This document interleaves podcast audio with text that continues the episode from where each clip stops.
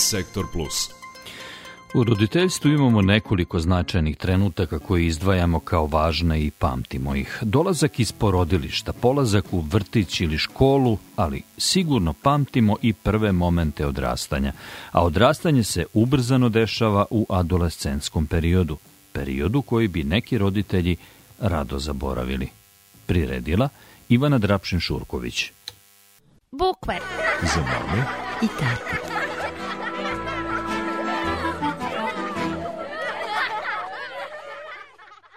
Obeležje tinejdžerskih godina je individualizacija, što znači da učeći postaju individue za sebe i članovi šire zajednice u godinama između umiljate privrženosti detinjstva i roditeljima i samodovoljnosti koje karakteriše odraslo doba, tinejdžeri mogu izazvati popriličnu glavobolju onima koji ih vole.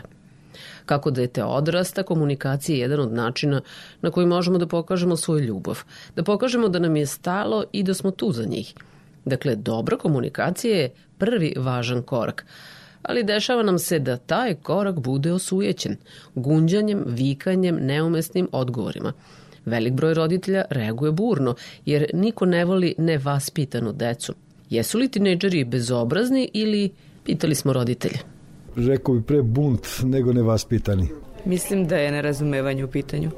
Mislim da roditelji treba da, da kao roditelji treba da više slušamo decu i da više vidimo šta je spoza toga što, iza toga što se oni bune, a, a šta žele i da im damo podršku u tome. Treba uzeti u obzir da i mi kao roditelji ponekad pravimo greške, tako da komunikacija sa mladim buntovnicima liči na borbu. Zato nije loše slušati stručnjake.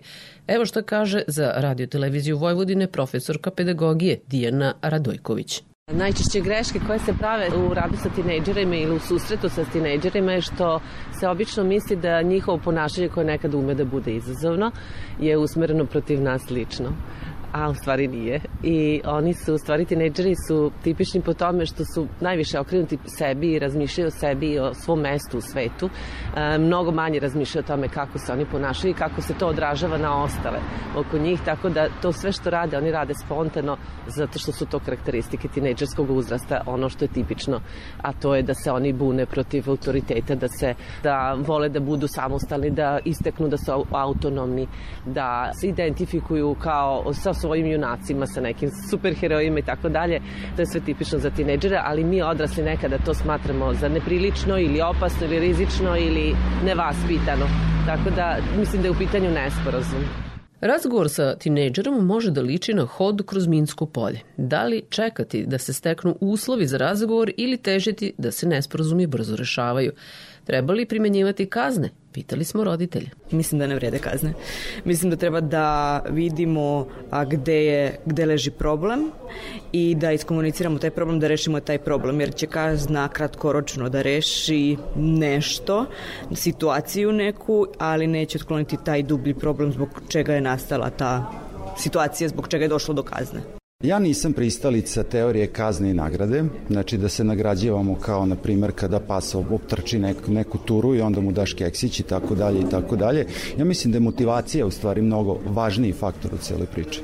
Današnji roditelji imaju stručnu podršku u vidu literature, saveta stručnjaka, raznih tehnika. Ovog puta govorimo o pozitivnoj disciplini za koju je specijalista profesor Karadojković. O čemu je zapravo reč? Pozitivna disciplina je pravac u pedagogiji i psihologiji koji tvrdi i dokazao je da možemo da se odnosimo sa decom na jedan ravnopravan način sa puno poštovanja i čuvanja obostranog dostojanstva, što isključuje nagrade i kazne. To je tipično u pozitivnoj disciplini, a nagrade i kazne su nešto što je tipično za neki klasičan pristup vaspitavanju dece, gde se smatra da ako dete nešto uradi pogrešno, da mora biti kažnjeno da bi nešto naučilo. Međutim, nevolje je u tome što dete kada je kažnjeno kažnjeno ne nauči ništa, jer u tom trenutku njen, njegov mozak ne može da pamti, niti da razlučuje, niti da razmišlja, jer je kažnjeno, to jest preplavljeno neprijatnim osjećanjima. Tako da ide se na to da se koriste alatke pozitivne discipline koje su istovremeno i blage i odlučne i koje čuvaju dostojanstvo i deteta i odraslog, daju primere, daju dokaze da razumemo kako je detetu, da treba da budemo empatični, znači da razumemo njihovu poziciju gledanja i osjećanja, a s druge strane strane da pružamo ograničenja situacije koje dete onda prihvata, kad, tek onda kad je shvaćeno i prihvaćeno. Pitanje naravno i u kakvoj atmosferi rastu naši tinejdžeri. Kakve poruke i mi šaljemo tokom odrastanja? Jesmo li dostupni za razgovor ili vremena za priču baš i nema? Šta misle roditelji?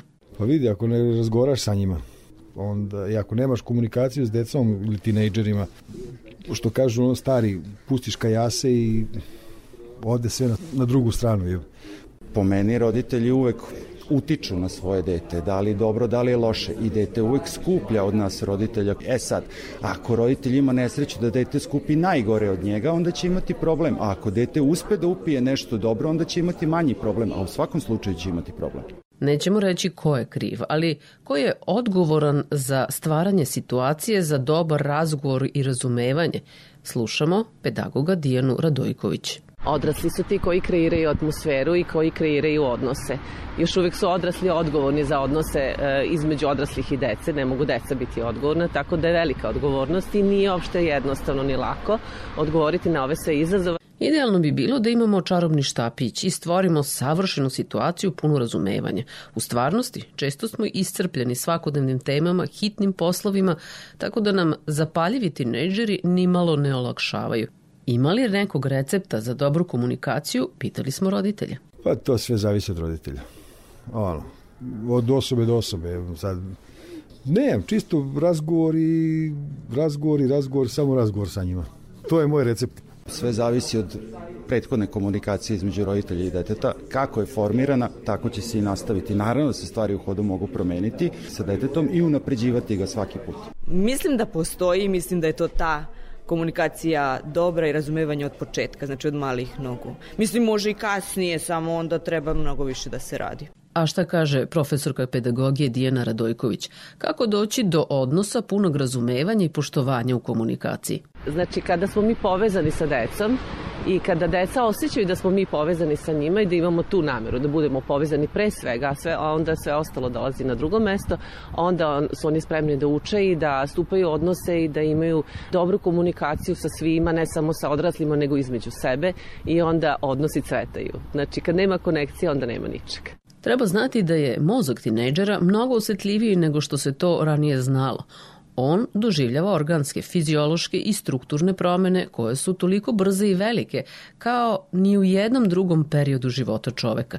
Ta činjenica mnogo objašnjava ponašanje tinejdžera. Znajući to, možda će nam biti lakše da ih razumemo, ali ako i dalje teško komuniciramo, mogli bismo da unapredimo svoje roditeljske veštine i pročitamo neku knjigu, odemo na savetovanje. Jer dobar savet i prava reč stručnjaka može značajno da popravi odnos.